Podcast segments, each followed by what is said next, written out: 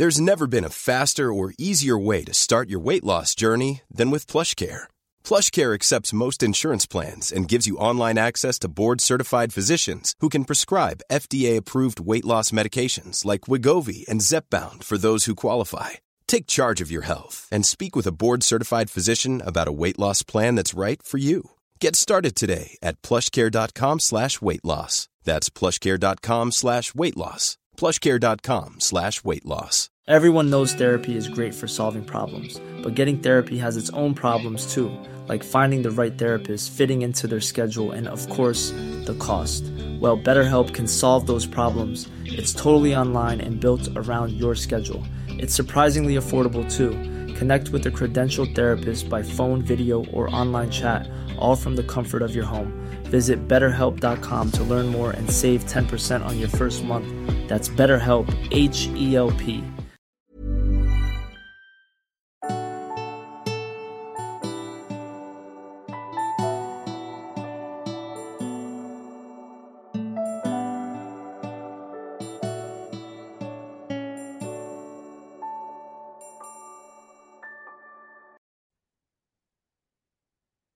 Hej och eh, varmt välkommen till mig.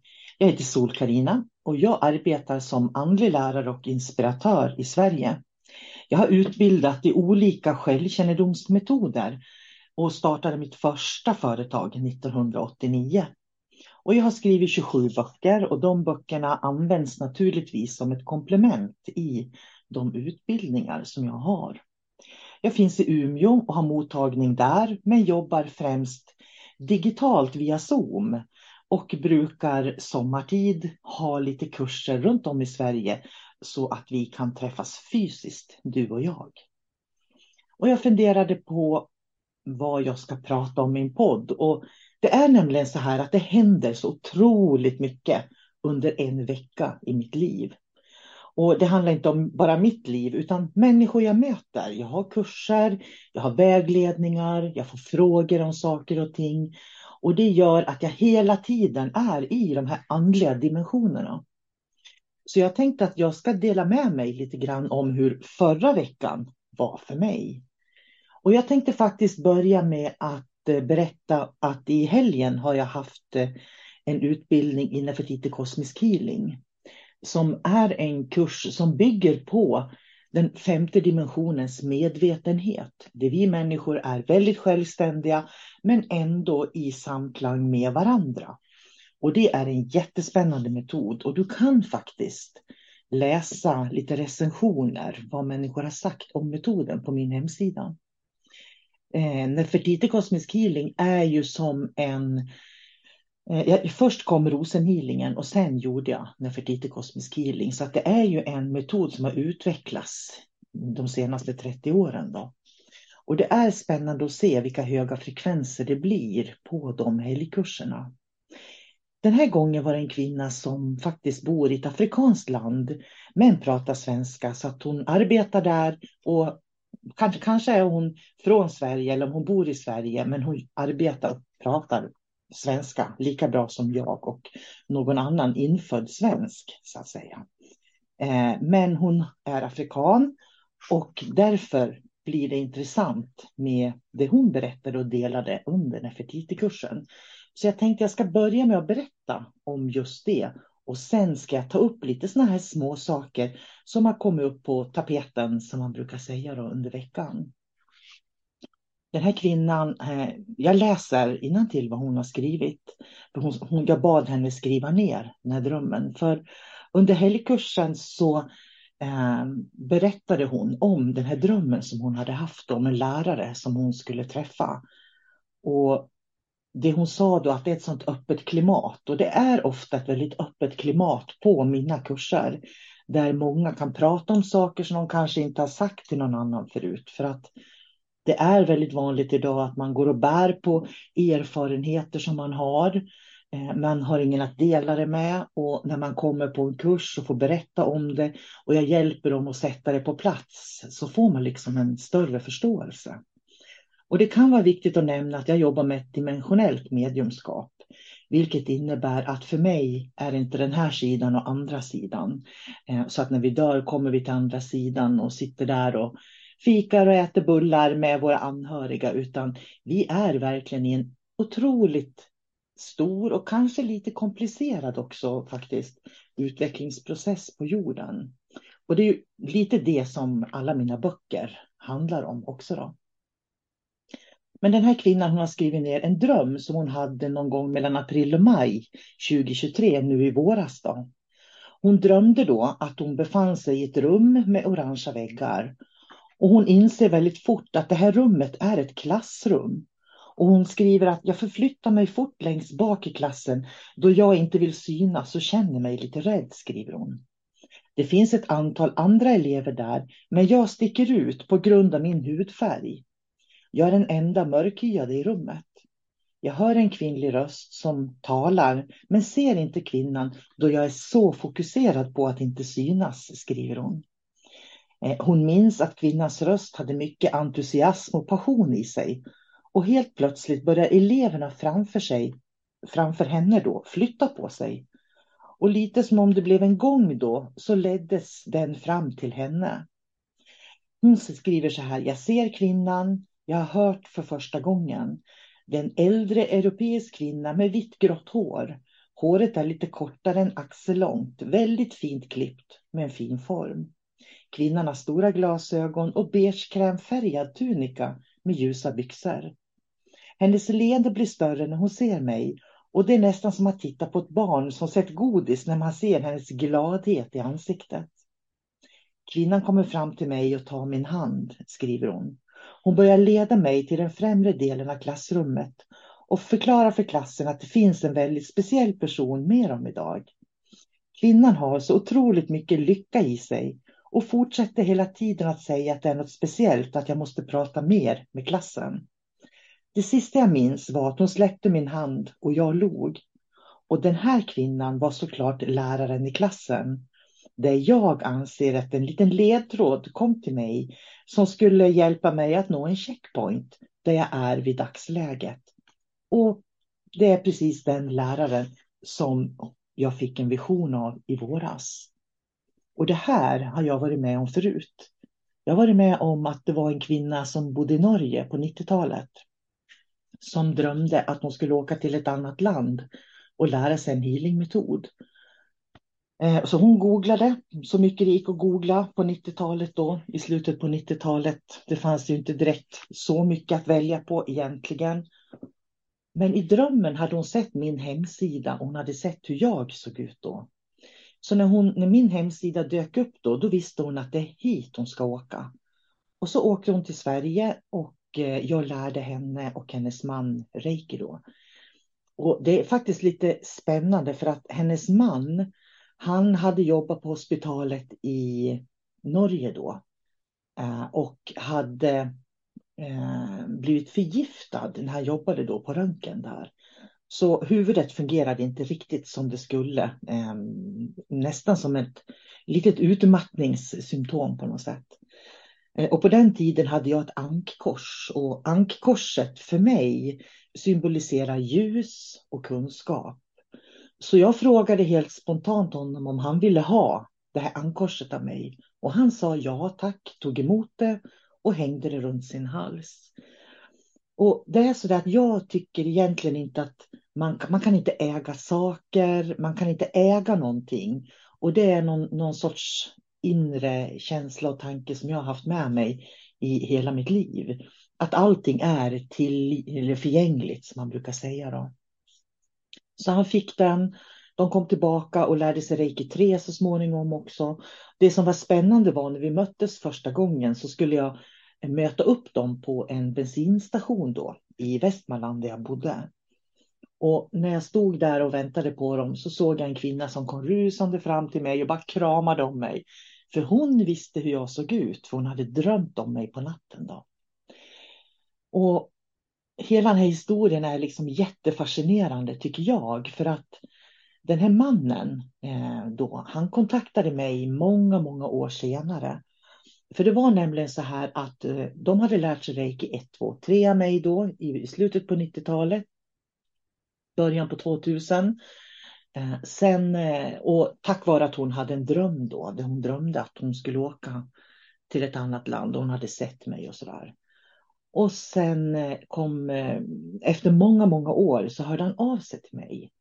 För det var nämligen så här att då hade han, de hade skilt sig.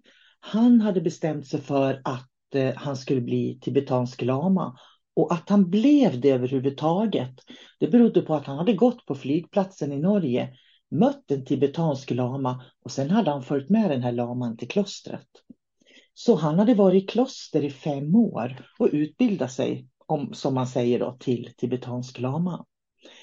Och när han ringde mig så ringde han mig dels för att han ville att vi skulle träffas, därför att han ville återlämna det här ankkorset som jag hade gett dem honom då, sådär sex, sju år tidigare eller någonting sånt.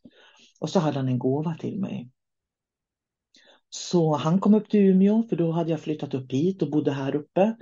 Eh, och när han kom hade han de här eh, kläderna som en lama har. Så att det var ju lite speciellt att få träffa honom eh, då med de här kläderna som han hade på sig och sådär då. Som han kom direkt ur klostret.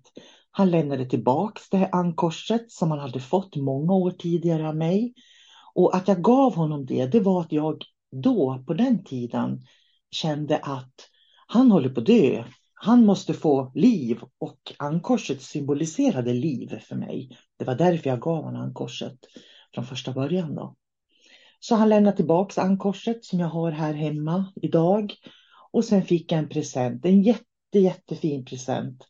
Och det var en liten buddha-figur. Och inuti den här buddha-figuren så ligger det en rosenkvarts då. Men det som var grejen med den här buddha-figuren, det var faktiskt att Dalai Lama hade välsignat den här buddha-figuren i mitt namn. Och alla som känner mig lite grann vet ju att jag verkligen uppskattar Dalai Lama. För jag tycker att han har gjort så mycket för, för världen på olika sätt. Då. När han har delat buddhismen och den här ödmjukheten som han har också då och alltid har haft. Även om hans höghet Dalai Lama börjar bli en liten skruttig man idag så har han varit en förebild för många, skulle jag vilja säga. Så för mig var det jättestort att Dalai Lama hade liksom sagt mitt namn, typ så. Men det var också, allt det skedde genom en dröm. Och det är så märkligt för att det här är inte första gången människor drömmer om mig eller att de ska träffa mig eller att de ska åka till mig. Och det kan vara människor som aldrig någonsin har talat om mig och så bara dyker upp i drömmarna. Jag kan inte förklara det annat än att jag är så hundra procent övertygad om att det finns en livsväg för alla människor på jorden. Jag tror nämligen att alla människor på jorden har en plan. Och konsten hos oss alla är att hitta och följa våran livsplan. Alla minnena som vi tror att vi har med oss från tidigare liv handlar egentligen om, egentligen om att vi ska läka och vi ska hämta kunskap på olika sätt. Och när jag säger hämta kunskap så är det kunskap som finns i vår själs energi. För själen är erfarenheter och minnen och själen är aldrig personlig. Och när man kan hitta det där så att man verkligen kan vara i sin inre ljusvarelse, som jag har börjat använda som begrepp nu då, och verkligen kan hitta det här inre ljuset, då kommer man att se väldigt tydligt att egentligen är vi inte våra kroppar, våra känslor, våra tankar, utan vi är medvetenhet, ljusvarelser som upplever världen. Jag har gått den här vägen som jag går nu i 33 år. Jag började redan 1989. Jag är så säker i mig själv och den väg jag går. För oftast så har inte jag eh, varit med i föreningar och förbund och det ena med det andra och gjort reklam för mig överallt och i tidningar och blivit känd liksom genom tidningar utan jag har låtit människor som komma till mig och det är faktiskt jätteintressant för att det är det som gör att människor ibland kan drömma om mig därför att jag har någonting viktigt som jag kan lära dem. Och jag tycker också att det är viktigt att påpeka att det handlar inte bara om att jag lär människor, utan människorna jag möter lär jag otroligt mycket av. För den här kvinnan från Afrika då, som bor där, som kände att hon skulle möta en lärare hösten 2023. Och när hon såg mig så kände hon igen mig, som jag berättade om, om den första drömmen. Det är nämligen så här att jag har suttit och funderat för att jag är ju en människa som djupdyker ganska mycket saker och ting och gör väldigt mycket research. Och jag tycker om att se hur saker och ting hör ihop och hittar den röda tråden. Som till exempel så upplever inte jag att eh, alla religioners budskap är kärlek. Det upplever inte jag. Utan jag ser någonting annat. Jag ser en annan röd tråd i alla religioner och myter. Och det är lite det som jag pratar om på den här ljusutbildningen som jag har då. Så jag har gått och tänkt så här att ja, men jag kan väldigt mycket om Sydamerika, Nordamerika, Asien, Europa. Men jag kan väldigt lite om Afrika, har jag gått och tänkt. Alltså Afrikas myter och legender. Jag vet en del om Dogonfolket, jag kan ganska mycket om Egypten, eh, Mali, jag vet en hel del om eh, ja, Sydamerika då och sådär. Eh, och naturligtvis så finns det vissa kraftplatser också i Afrika som jag har kännedom om. Men själva de här myterna, hur de ser på skapelsen och döden och allt det här, det kan inte jag så mycket om. Och då var det ju verkligen win-win att den kvinnan också dyker upp i mitt liv. För jag kommer att lära henne saker och hon kommer att lära mig saker. Och hon var riktigt nöjd efter att ha varit med då på eh, Nefertiti Cosmic Healing och den grundkursen. Och när man pratar om Nefertiti Cosmic Healing så jag skulle vilja säga att det finns A och B-healing. Jag jobbar bara med reiki ryoho idag och det är många som kommer till mig och tror att den reiki de har lärt sig är samma som den reiki som jag lär ut. Och det jag har lärt mig med åren, för det är ju så att ju mer man håller på med någonting, desto mer erfarenhet blir det ju också. Så har jag upptäckt att eh, människor tror att de kan vissa saker som jag då upptäcker att de inte kan. Och jag kan ju bara basera det på att jag är utbildad i Komyo Reiki då, Jikiden Reiki, Gendai Reiki Ho, Eh, och har gått, och sen en annan eh, gren inom den japanska reikin också. Som jag, så jag tycker idag att jag har fått en ganska bra inblick i vad reiki är i grund och botten. Och det baserar sig ju också då på naturligtvis var reiki kommer ifrån. Vad det är för traditioner, myter och legender som finns i Japan och fanns i Japan under den tiden när reiki skapades.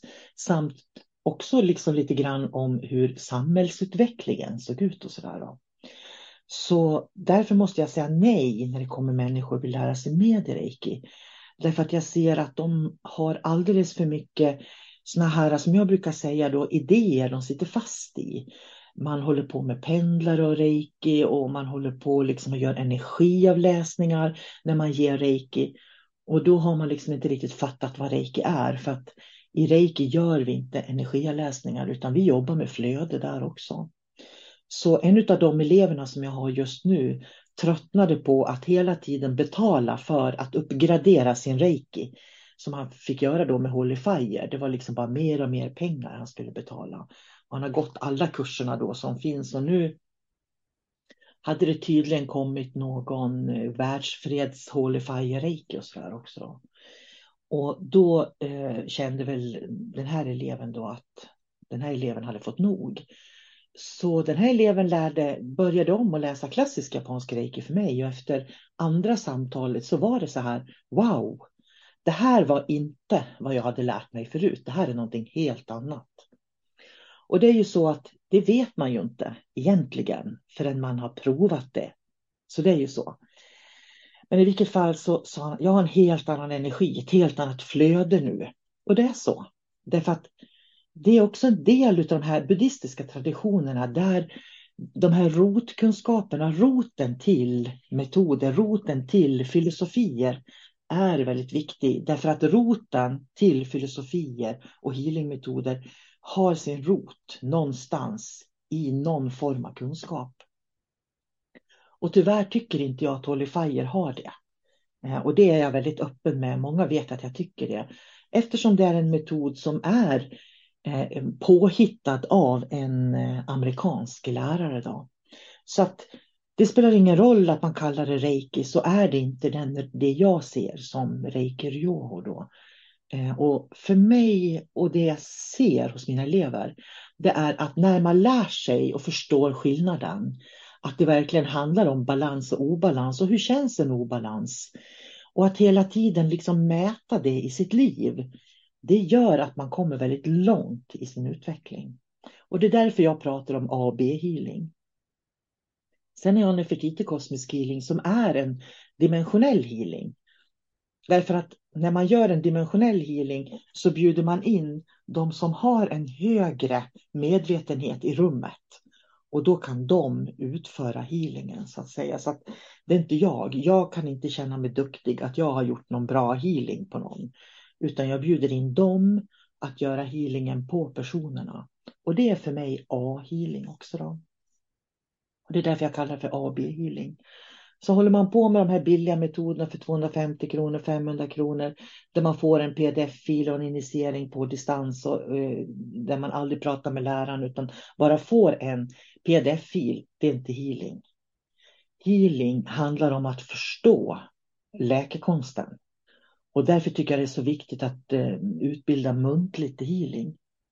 Och det som är intressant då, det var att i helgen så hade jag en kvinna som var med när vi jobbade då med gudinnehealing. För man får ju prova både gudinnehealing, får man lära sig änglahealing, mästarhealing, galaktisk healing, healing med själsgrupperna och göra en själsåtervinning.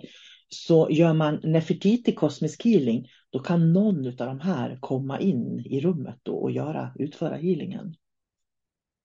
Eh, annars kan man göra det alltså bara gudinnehealing då, om jag skulle känna för det. Och den här kvinnan då, vi gjorde gudinnehealing och sen när vi samtalade efteråt så sa hon att, för hon har alltid haft att det pirrar på ena axeln på henne. Och hon har liksom alltid trott att det är någon från andra sidan som pillar henne på axeln. Men när vi gjorde gudinnehealingen så var det en gudinna som kom och gav henne samma känsla. Och Det är det här som är så intressant, för då kommer man till den här dimensionella kunskapen. Hade hon inte fått kontakt med fler dimensionella varelser, då hade hon gått omkring och trott att det är någon från andra sidan. Och det är en väldigt begränsad nivå egentligen då. Nu vet hon att det var en gudinna. Och när hon då vet vad gudinnorna representerar, för de står ju väldigt mycket för det här omhändertagandet, att vara jordad, att vara närvarande i kroppen, att självkärlek till exempel. Eh, det här flexibla men ändå ha en grundtrygghet. Allt, allt, allt det där är ju gudinnorna. Och jag har skrivit om det i min bok Sannessens och änglamedvetande. Eh, och i lilla boken om Nefertiti kosmisk healing står också beskrivet då. Eh, men jag tror, ja det gör det, det står mer i Sannessens boken. Men i vilket fall, för henne så förstår ju hon mer. För jag menar, alla människor känner sig själva. Så när vi förstår att det här är en gudinna, det är inte någon från andra sidan. Då får man de här aha-upplevelserna när man verkligen fattar liksom varför eh, en gudinna står och knackar mig på axeln till exempel. Och det gör att man växer och utvecklas som människa. Och det är det här som är den dimensionella kunskapen för mig. Det är därför det är viktigt att man har den och inte begränsar sig och tror att verkligheten liksom bara har fyra dimensioner, att andra sidan är slutstation. Ehm, så det var en del av ehm, helgen. Vi har också, en av kvinnorna, och det är också jätteintressant, för hon fick eh, i, i healingen då, för man får ju mycket symboler, symbolik och det är också en del av att lära sig vad är det jag, de här bilderna, symbolerna som kommer upp, var kommer de ifrån och vad betyder de för mig? För vi gjorde egen healing då. Det var en kvinna som fick, eh, hon såg två kvadrater som liksom flöt ihop. Och faktum är att två kvadrater som flyter ihop, det är ju då eh, den nedåtgående triangeln, den uppåtgående triangeln. Det är ju det som är eh, Merkaban. Och Merkaban är ju, när vi, när vi aktiverar Merkaba, då är vi i 100% flöde med sju dimensioner vårt personliga jag. Så vill man få en högre uppkoppling, då måste man göra 12 aktiveringen Men en Merkaba är ungefär samma sak. Och det kommer från kabbalan då och är en del av eh, både judendomen och islam faktiskt. Och i eh, det vi pratade om i helgen då, det var just, jag förklarade för den här Merkaban, för henne vad det var, den här sexuddiga stjärnan, som också symboliserar den självutveckling som vi går igenom då, upp till eh, den sjätte nivån. För den sjunde nivån, då sitter vi ju i Merkaban då. Så tänk att du tar en nedåtgående triangel och en uppåtgående triangel och sätter ihop dem, då får du en stjärna. Det är Merkaban. Det är också symbolen för Metatron. Och Det var också intressant för att en av kvinnorna sa att hon hade träffat någon som sa han hette Metatron. Hon hade ingen aning om vem det var. Men då kunde jag berätta att Metatron är liksom anses vara änglarnas änglar, om man säger så. Ärkeänglarnas ärkeänglar, ska jag säga. Och symbolen för Metatron är just den här Davidsstjärnan som man pratar om då också. Men det ledde till en annan intressant grej för att vi får ju då under Nefertiti kosmisk Healing uppkopplingar till eh, mästarna. Och en av mästarna är ju profeten Muhammed. Och det kan jag säga att det väckte en del reaktioner för att det är väldigt lätt när man tänker på profeten Muhammed, på Buddha, på Jesus eller Kristus då som han kallas också i, eller Sananda som han till och med kallas i sitt uppstigna tillstånd att man identifierar det med hur människor har tolkat religioner. Jag är övertygad om att profeten Muhammed var en uppstigen mästare som gick på jorden. Men sen har människor, hur man tolkar hans visdom, det tror jag är väldigt olika från eh, människa till människa nämligen. Så det jag pratade om i helgen då när, när vi kom in på just det för att man fick liksom såna här eh, negativa eh, reaktioner eftersom man har, många har en negativ känsla för profeten Muhammed då. Så kunde vi liksom prata om att tänk på att människor tolkar de här väldigt olika. Och det kan man ju se bara i kristendomen till exempel. För i kristendomen så titta på alla de här ah, små Philadelphia, Korskyrkan, Jehovas vittnen. Det finns ju hur många små kristna rörelser som helst. Och ingen av dem tolkar Bibeln på samma sätt utan det tolkas ju väldigt, väldigt olika. Så det gäller att liksom se budbäraren och budskapet och, och kanske liksom se är det filtrerat på något sätt? För det är ofta filtrerat. Då. Eh, det jag kunde berätta då, det är ju att, och som jag tycker är så intressant då, det är ju att eh, som muslim så ska man ju gärna då vallfärda till Mecka. Och i Mecka så har man ju den här svarta kuben så, som man ska gå sju varv runt. Då. Så jag berättade för dem i helgen att eh, den svarta kuben är ju en symbol för eh, Merkaban. Alltså, och för den här eh, sexstjärniga stjärnan. Därför att den, den sjunde är ju jag som sitter i centrum då. Det är också en symbol för våra sju chakran. Så att man går runt den här eh, svarta kuben då i Mecka. Tror jag, det här är, och det ska du veta, allt jag säger är bara min egen filosofi. Eh, som jag har kommit fram till olika saker om. Så för varje varv som man går så kommer man, det är som en uppåtgående spiral, det är en typ av uppstigning som man gör. Så att det är en typ av att få kontakt med alla dimensioner av sig själv tills man kommer till upplysningen i kronchakrat då. För märker man symboliserar ju bara sju nivåer då. Och när jag berättar det för mina kursdeltagare, de bara aha. Då fick de också det här nya perspektivet på hur religioner och legender och myter faktiskt har den här röda tråden. Så att vi har sju steg till, eh, till självförverkligande. Det finns i Sydamerika, hos sydamerikanska indianerna, de kallar det navis.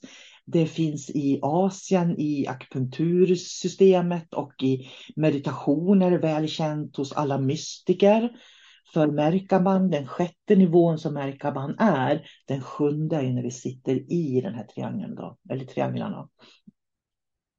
det är ju självförverkligandet. Och det är ju liksom målet med alla religioner, alla filosofier, att man ska på något vis bli ett med Gud då, så att säga. Så det är lite spännande, tycker jag. Och det är någonting som jag delar på den här ljusutbildningen, den fysiska ljusutbildningen. Eh, där jag visar och delar just hur, hur det finns en röd tråd. Och den röda tråden är ljus. Den är inte röda rum kan jag säga på en gång. Så det är spännande hur man tolkar profeter olika eh, och hur budskapen kan bli olika. Och det ställer ju väldigt mycket krav på oss människor att kunna lyssna inifrån och ut och inte utifrån och in. Jag ser ju hur konspirationsteorier liksom växer som ogräs överallt. Men människor liksom är inte kritiska och frågar sig själv, är det här sant för mig? Är det här det som jag verkligen tror på? Eller hur ser min verklighet ut? Utan man lyssnar på andras. Och jag hade aldrig varit det jag är idag om jag hade lyssnat på andra. Det är därför som jag brukar säga att jag har suttit på en sten i Västmanland och lyssnat på mig själv, eller mitt högre jag faktiskt.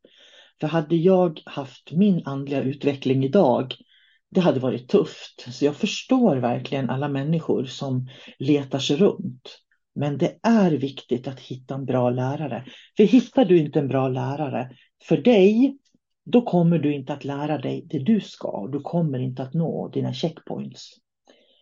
Eh, det är jätteintressant för en eh, esoterisk utbildning som jag hade till dimensionsmedlem i Uppsala för många år sedan.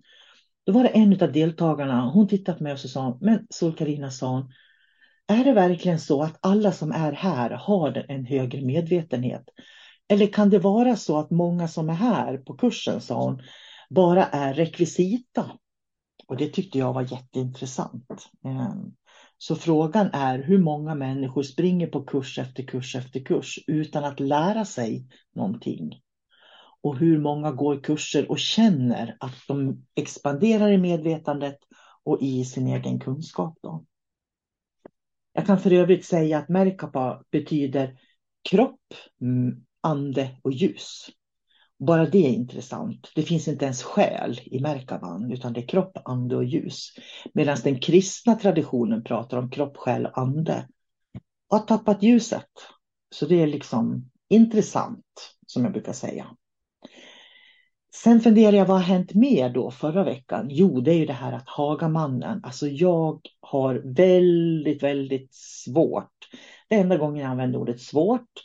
Det är nog enda gången som jag också kan bli arg det är när jag läser att våldsmän, våldsutövare, mördare släpps fria. I min verklighet, om du har mördat någon eller om du har våldtagit och slagit ner och förnedrat en människa. Jag tycker personligen man ska låsas in på tid och evighet. Jag tycker verkligen man har förbrukat sin rätt att gå fri i samhället. Därför att offren till de här våldtäktsmännen och, och de som har blivit överfallna då. Nu pratar jag riktigt grova brott alltså. De blir oftast aldrig människor igen. Utan de kommer att gå hela livet med trauman, i terapi, ångest, rädslor för att gå ut och det ena med det andra. Och de här människorna, det är lika när man, när man mördar människor och folk dör. De här som dör, de har familj. De har flick och pojkvänner, de har barn, de har mor och farföräldrar, de har syskon, de har vänner som aldrig någonsin mer kommer att få träffa dem på grund av Everyone knows therapy is great for solving problems. But getting therapy has its own problems too. Like finding the right therapist, fitting into their schedule, and of course, the cost. Well, BetterHelp can solve those problems. It's totally online and built around your schedule. It's surprisingly affordable too. Connect with a credentialed therapist by phone, video, or online chat, all from the comfort of your home. Visit betterhelp.com to learn more and save 10% on your first month.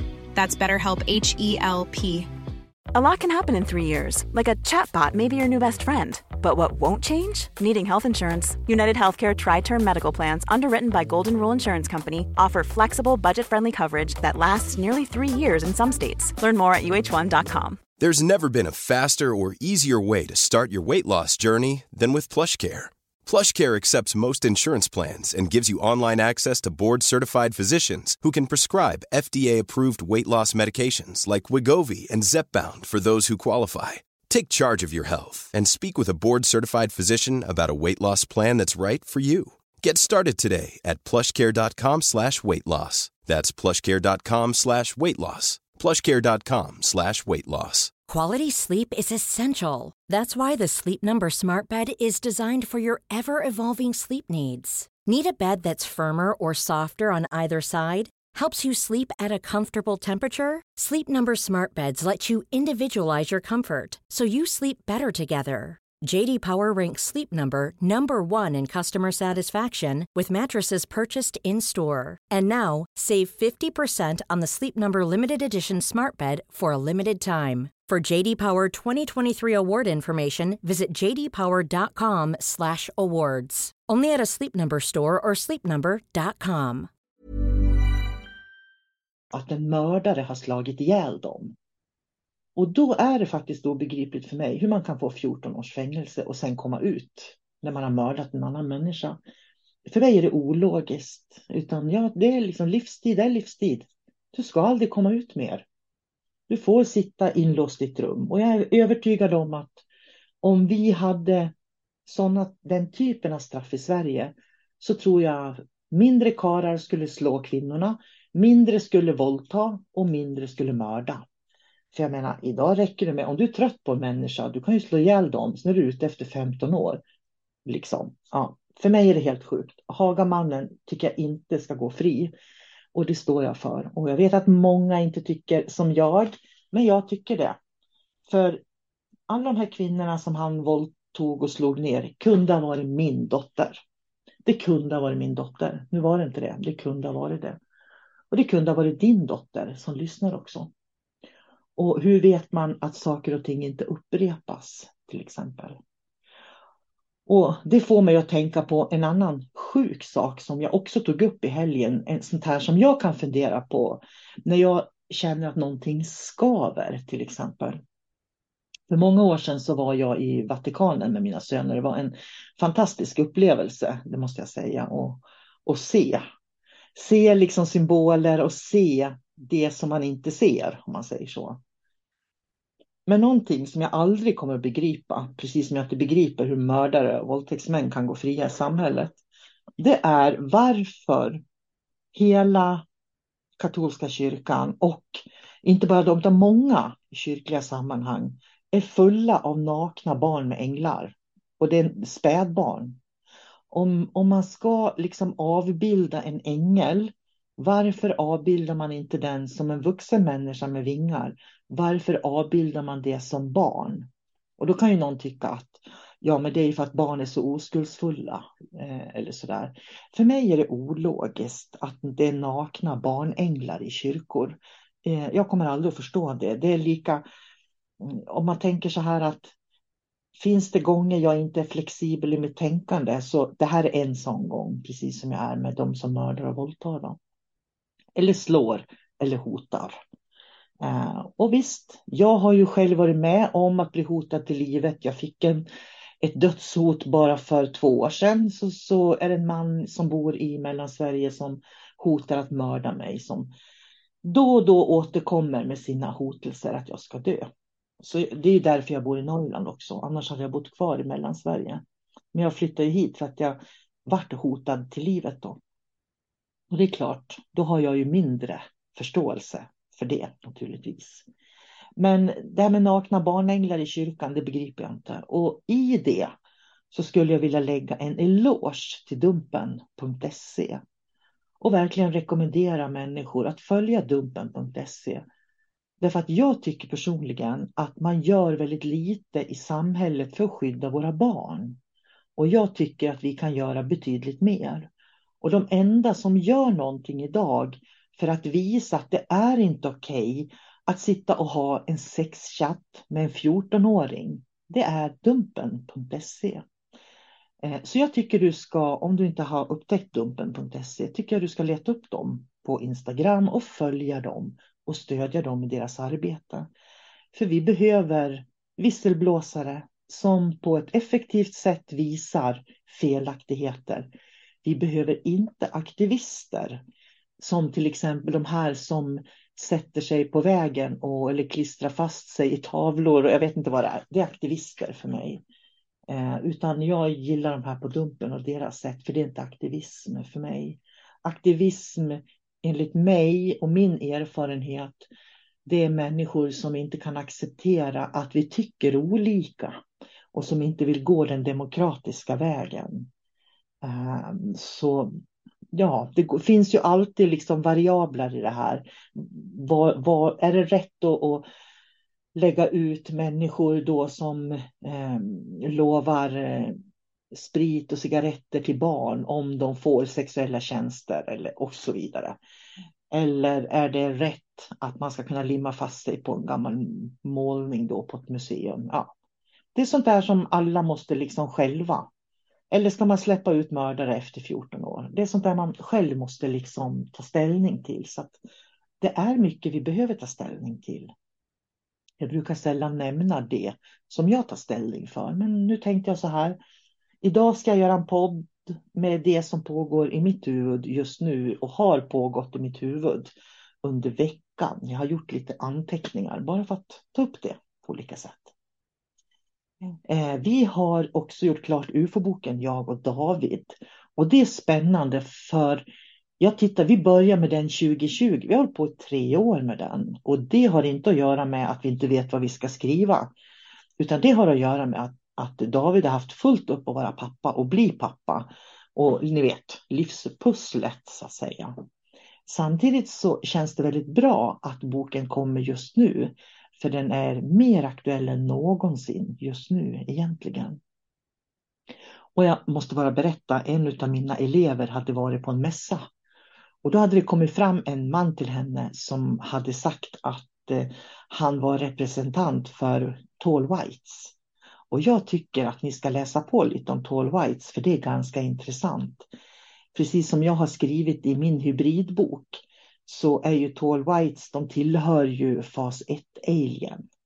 Eh, de är tekniska, de eh, manipulerar och just det här att förstå hur ut, de här utomjordiska varelserna kan manipulera människor, det är väldigt intressant. Jag kom på att jag kan inte berätta mer vad hon berättade för mig, för det har jag ju inte kollat med henne. Så det är bäst jag knäpper igen munnen och inte säger något mer om det. Men i UFO-boken kan du läsa om skillnader på fas 1, fas 2 och fas 3 alien. Vi har också beskrivit implantat eh, som har hittats i, det finns en bild bland annat på implantat som har hittats i, kropp, i en kropp på en människa. En elev till mig såg ett UFO här i Umeå för inte så länge sedan. Eh, för på 70-talet så var det ett UFO som var lika stort som Piteå som hängde över luften. Två poliser som såg. Men boken vi har skrivit handlar inte om vad andra har sett. Utan jag och David har helt enkelt dokumenterat våra egna erfarenheter i den boken. Så det vi skriver om, det har vi erfarenhet av. Så vi undviker att skapa en massa konspirationer om saker och ting eh, som vi inte liksom kan bevisa. Utan det vi skriver i den här nya UFO-boken då handlar om det vi, vi kan se praktiskt och ha erfarenhet av och som vi vet att elever och klienter till oss också har erfarenhet av. Då. Så vi har skrivit två böcker som är viktiga nu då. Eh, och det är en dold agenda om demoner och en dold agenda om utomjordisk närvaro.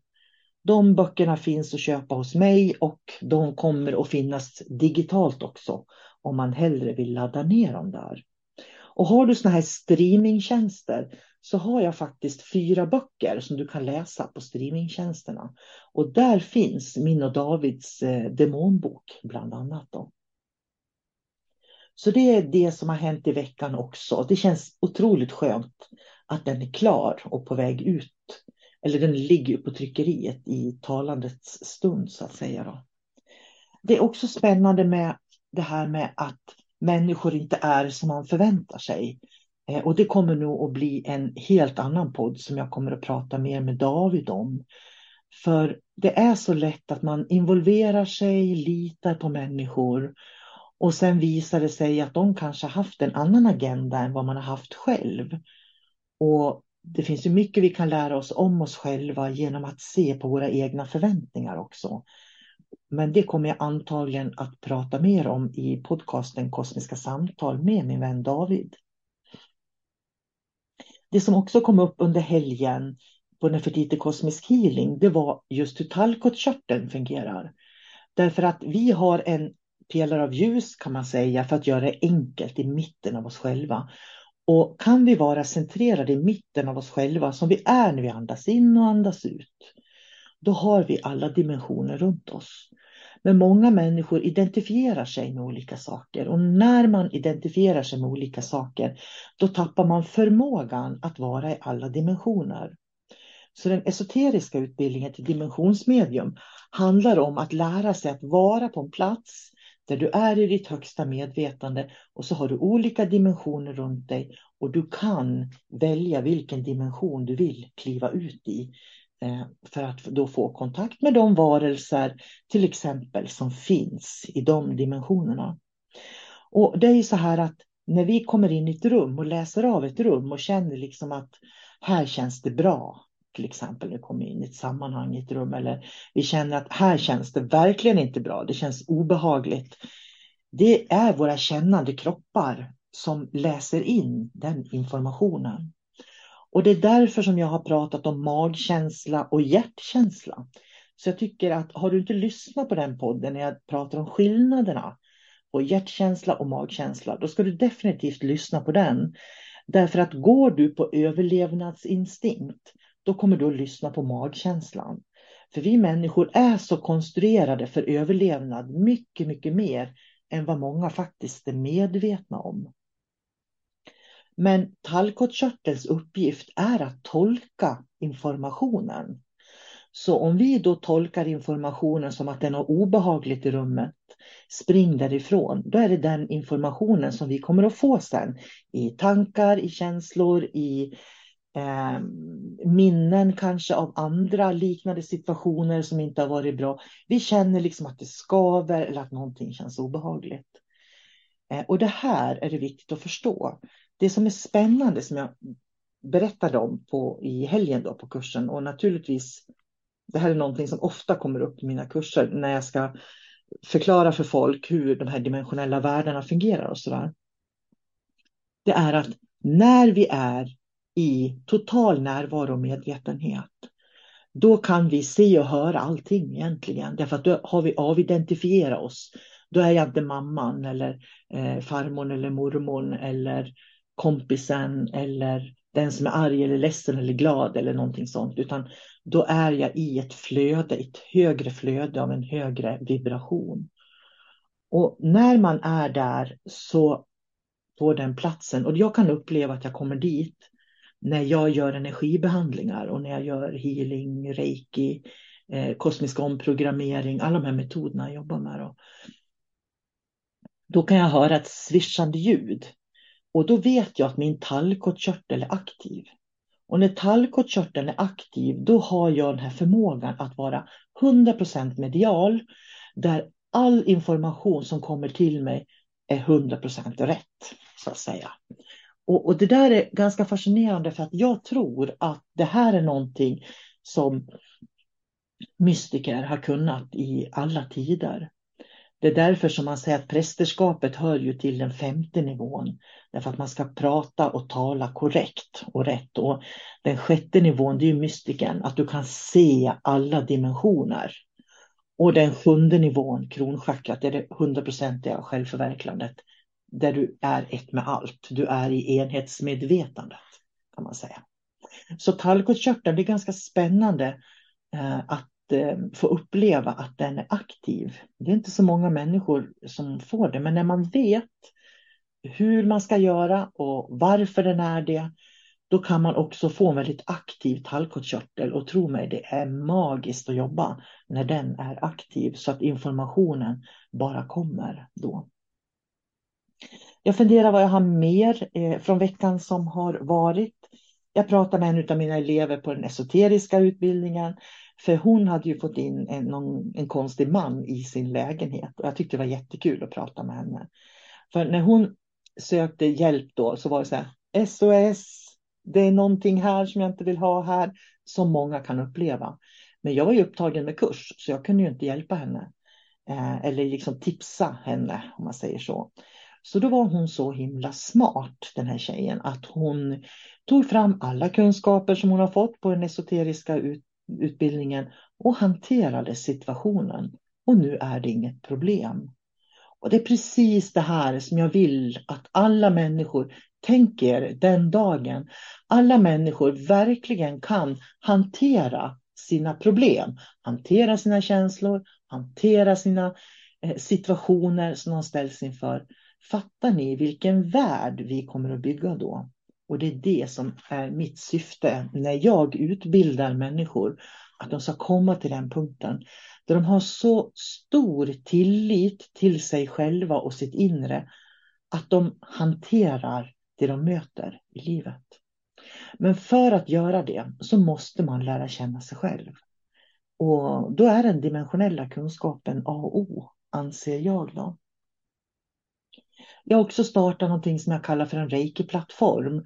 Och just nu ligger det ungefär 194 artiklar, poddar, filmer där.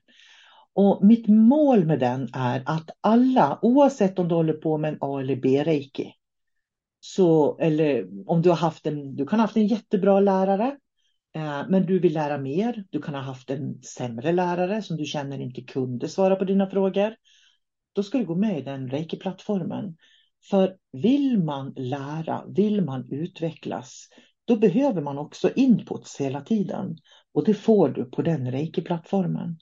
Och den kostar 49 kronor i månaden, det är som en prenumeration. Den uppdateras när jag känner att det finns saker att lägga in där. Eh, och målet med mig, för mig är att det ska ligga hundratals artiklar om reiki som gör att du som tycker om reiki, älskar reiki, verkligen ska kunna få nya inputs, nya perspektiv, fördjupa dina kunskaper, för det innebär också att du får den här djupare självkännedomen. Sen vill jag bara berätta att jag har varit hos tandläkaren och det var också väldigt intressant. I tre timmar låg jag och tittade i taket. Och jag sa det, jag har sagt det till mina elever och vänner och människor som jag mött också då. Om ni inte har legat på sängen eller på soffan i tre timmar och bara stirrat i taket, gör det. För jag måste säga att det var nog bland det mest magiska jag varit med om på länge. Att ligga och stirra i taket. Och varför jag låg i tre timmar i tandläkarstolen och stirrade i taket, det har att göra med att jag går på tandläkarhögskolan. Så det var studenter som hjälpte mig. Så då fixar de och så får de vänta tills läraren kommer och godkänner och sådär. Och så fixar de lite till och så får de hämta läraren igen. Och då tar det lång tid. Men det är i princip nästan gratis faktiskt. Så att jag betalar verkligen. Eh, det är nästan så jag skäms att jag inte betalar så mycket eh, för det. Men jag betalar ju med min tid naturligtvis. Men har du inte legat och stirrat i taket i tre timmar, oh my god, gör det. Du kommer att få upplevelsen i ditt liv när du gör det. För det är hela tiden så mycket som pockar på oss och jag upplevde hur jag verkligen började sortera kurser, vad jag vill göra mer för kurser, tills jag kom till familjen och vänner, eh, mitt i liv och plötsligt så har jag liksom sorterat hela mitt liv precis som man skulle stå vid Sankte Pers port liksom och knacka på, som man brukar säga. Det var magiskt i alla fall. Så lägg dig på sängen, ställ klockan, res dig inte upp på tre timmar, ligg där och följ med i allting som händer inom dig. Och du kommer att få en ny upplevelse. Ehm, jag tycker det är ganska spännande. I början på podden så pratade jag om den här kvinnan då från Afrika som eh, sa att jag var välklippt. Och det är också lite spännande för, för förra veckan så kände jag åh, jag måste klippa mig och det är bråttom, jag måste klippa mig nu. Eh, och det är inte så lätt att få klipptider och som många som vet som har lyssnat på mig så har jag ju gått igenom en bröstcancerbehandling med, med eh, kemoterapi då. Så jag tappar ju allt hår. Eh, så mitt hår håller på att växa ut. Och det växer ut fortfarande lite grann i tofsar lite här och där. Så jag upptäckte att jag hade någon typ av hockeyfrilla för två veckor sedan. Och min fantastiska frisör som jag har, jag älskar min Frida som jag har eh, som frisör här i Umeå. Hon, eh, är, hon klipper verkligen mig så mitt hår är lyckligt när jag går ifrån henne. Och det är det inte alla frisörer som kan, jag vill bara påpeka det.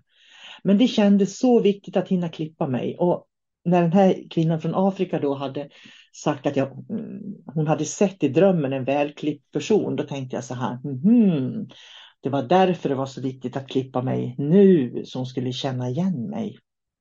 Men eh, jag trivs, jag brukar ha så kort som jag har just nu. Även om det är lite tofsar och växer lite fortare här och där. Så det var bara också en ren reflektion som jag gör. Det är så här jag går omkring och reflekterar över saker och ting hela tiden. Det var också intressant tycker jag för att det var en, en kvinna på Nefertiti-kursen då som eh, det kom en, en varg och ställde sig bredvid henne. Och då var det en annan av kvinnorna som sa som jobbar med schamansk healing och har gått, jag vet att hon jobbar väldigt schamanskt i alla fall. Hon är också en esoterisk elev som jobbar schamanskt, jätteduktig är hon. Som sa, jag ville bara säga att inom shamanismen, sa hon, så betyder vargen lärare. Och det var ju jättespännande för den här kvinnan då med den energiupplevelsen som hon hade haft. Att det kom en varg då, för det symboliserar ju på något vis eh, en lärare när hon mötte då en dimensionell varelse som hon kunde liksom följa och lyssna på antagligen också då som kan lära henne en massa. Och då tänkte jag att jag måste berätta det också för att jag har haft en svart och en vit varg med mig förr om åren då och för mig så symboliserar det min förmåga att se både mörker och ljus. Så de här inre symbolerna som man har med sig de är inte helt oviktiga. Så var medveten om vad du får för bilder, vad du får för tankar, vad du får för energiupplevelser. För det betyder någonting. Och som jag brukar säga, man ska inte googla. Utan när du får en upplevelse av något slag, sätt dig ner och tolka den själv. Det är du som ska tolka din upplevelse, inte Google. För låter man Google tolka alla de här siffrorna, upplevelserna och bilderna som man har, då kommer man att få ett Google-medvetande och du kommer inte att hitta dig själv. Så är det. Men det som var intressant var att jag gjorde ju den här kalachakra initieringen för några år sedan. Och Kala Chakra-initieringen gör ju då de tibetanska lamorna. Och det var en tibetansk lama utbildad av Dalai Lama då som gjorde den här kalachakra initieringen på mig. Och den pågår då i tre dagar, så man, man sitter liksom med i tre dagar. Eh, och han bor i Australien, den här eh, tibetanska laman. Då. Men eh, när, när jag gjorde den så passade jag på att ta tillflykt till buddhismen. Och det innebär egentligen att jag är inte längre eh, kristen utan jag är buddhist, även om jag inte är praktiserande buddhist. Lika lite som många som är med i Svenska kyrkan är praktiserande kristna.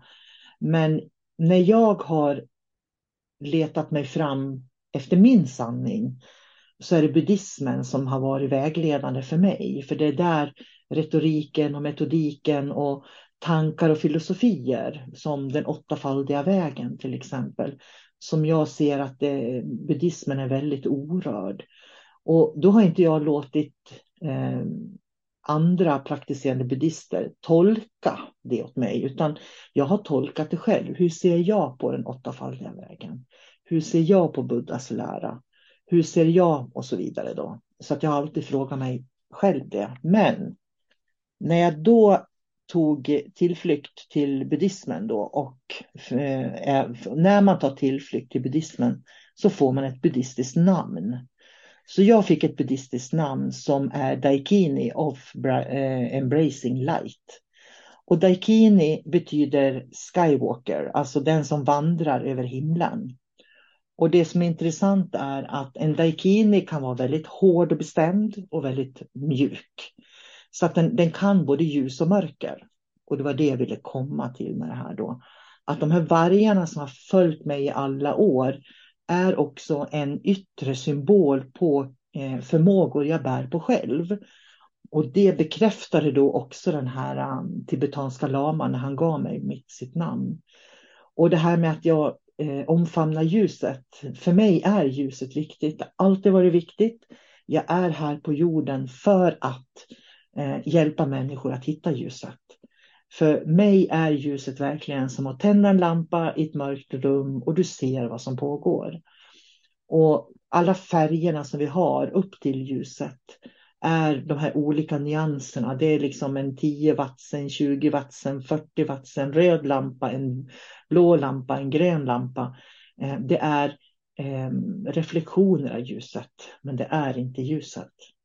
Så när jag fick den här, eh, mitt namn, buddhistiska namn då och gjorde Kala Chakra-aktiveringen så fick jag också ett certifikat eh, att jag har direkt, eh, direkt väg tillbaka till ljuset, till Shambhala när jag dör. Och det är lite spännande. Även om man inom buddhismen och inom Kala Chakra säger att man ska göra det om och om och om igen. Och varför Kala Chakra och den tibetanska buddhismen är intressant det kanske jag kan prata om någon annan gång för att eh, i den tibetanska buddhismen finns den dimensionella kunskapen. Det visste inte jag för 33 år sedan när jag fick min initiering av Dalai Lama då. Utan det vet jag idag när jag har utforskat och gjort efterforskningar, mediterat, lärt mig, läst på, satt samman saker och gjort det där pusslet, det där ni vet, när man ska hitta svar på saker som många människor gör idag. Eh, och det kommer jag att dela med mina elever nu då på ljusutbildningen steg två när vi träffas i Fagersta. Jag ser så mycket fram emot att få dela de här röda trådarna som jag har hittat i, när jag har utforskat den verkligheten. Då. Men då kom det tillbaks till mig, det här med vargarna, lärare, ni vet, man får såna här inputs lite överallt som gör att man själv liksom förstår saker på ett annat sätt. Och det är spännande tycker jag. I helgen när vi jobbade med eh, Nefertiti Cosmic Healing så var det en av kvinnorna som sa, har ni sett Avatar? Ja, och alla har ju sett, jag tror inte det finns någon idag som inte har sett Avatar. För Avatar är verkligen Lemuria och Nefertiti Cosmic Healing är Lemuria. Och dimensionell kunskap är Lemuria. Och det är så intressant. Så har du inte sett Avatar så ska du verkligen titta på den. För där har du exakt det här att leva inifrån sig själv och ut. Det är precis vad de gör. Och de kopplar in sig på ett högre flöde. Det är så intressant att det kommer liksom biofilmer och streamingfilmer som egentligen visar oss vägen till någonting som många människor har glömt.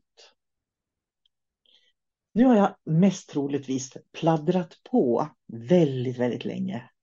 Jag har inget manus utan jag har helt enkelt berättat lite enkelt och lätt hur den här veckan har varit, hur jag har eh, kommit till slutsatser, vad jag har fått input och mött olika saker.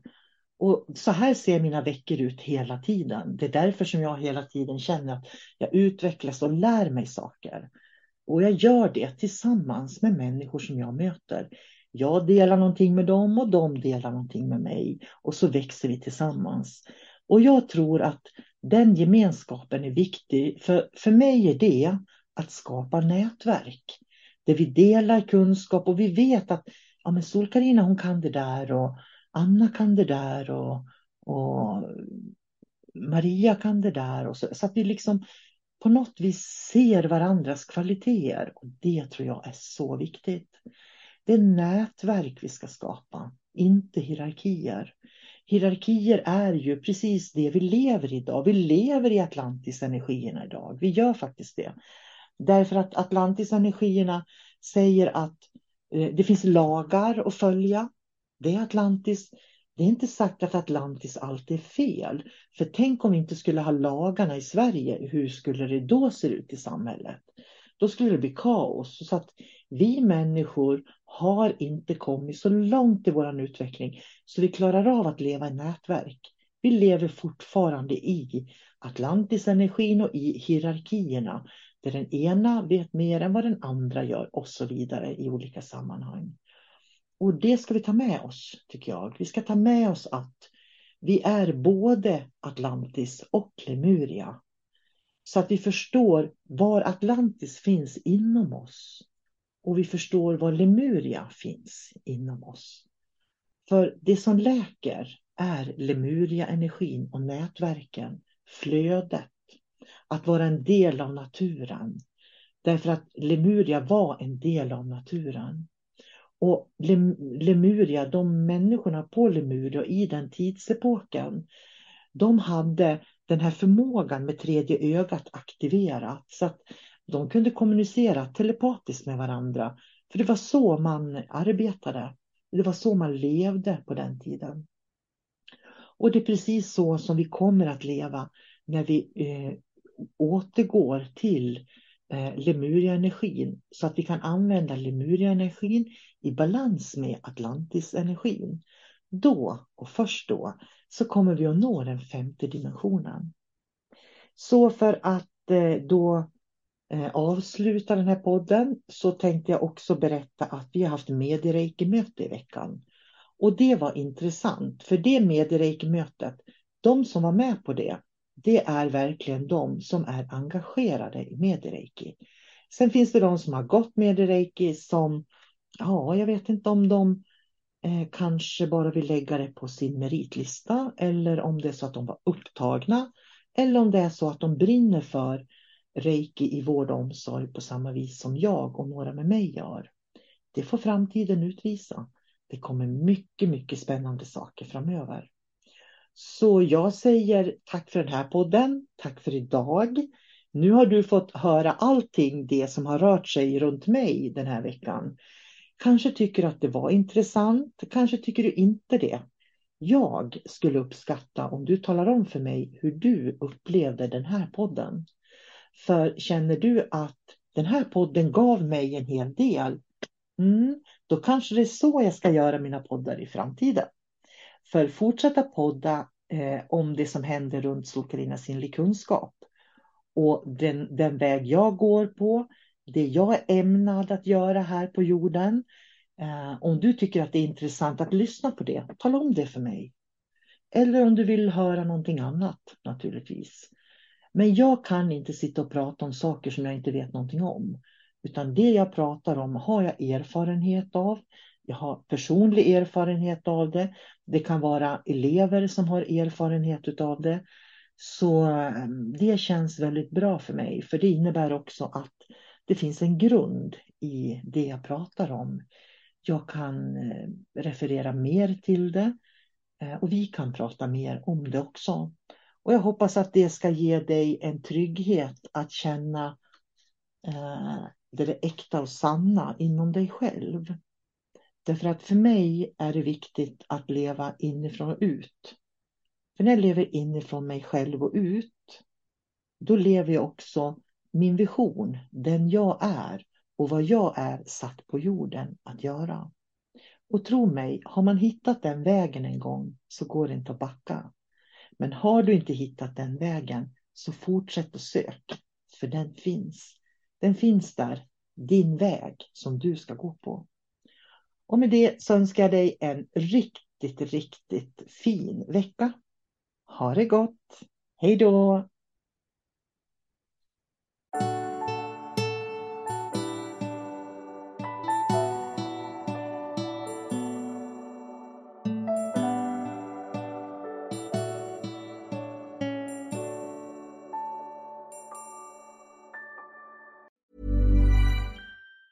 Planning for your next trip? Elevate your travel style with Quince. Quince has all the jet setting essentials you'll want for your next getaway, like European linen, premium luggage options, buttery soft Italian leather bags, and so much more. And it's all priced at 50 to 80% less than similar brands. Plus, Quince only works with factories that use safe and ethical manufacturing practices. Pack your bags with high-quality essentials you'll be wearing for vacations to come with Quince. Go to quince.com slash trip for free shipping and 365-day returns.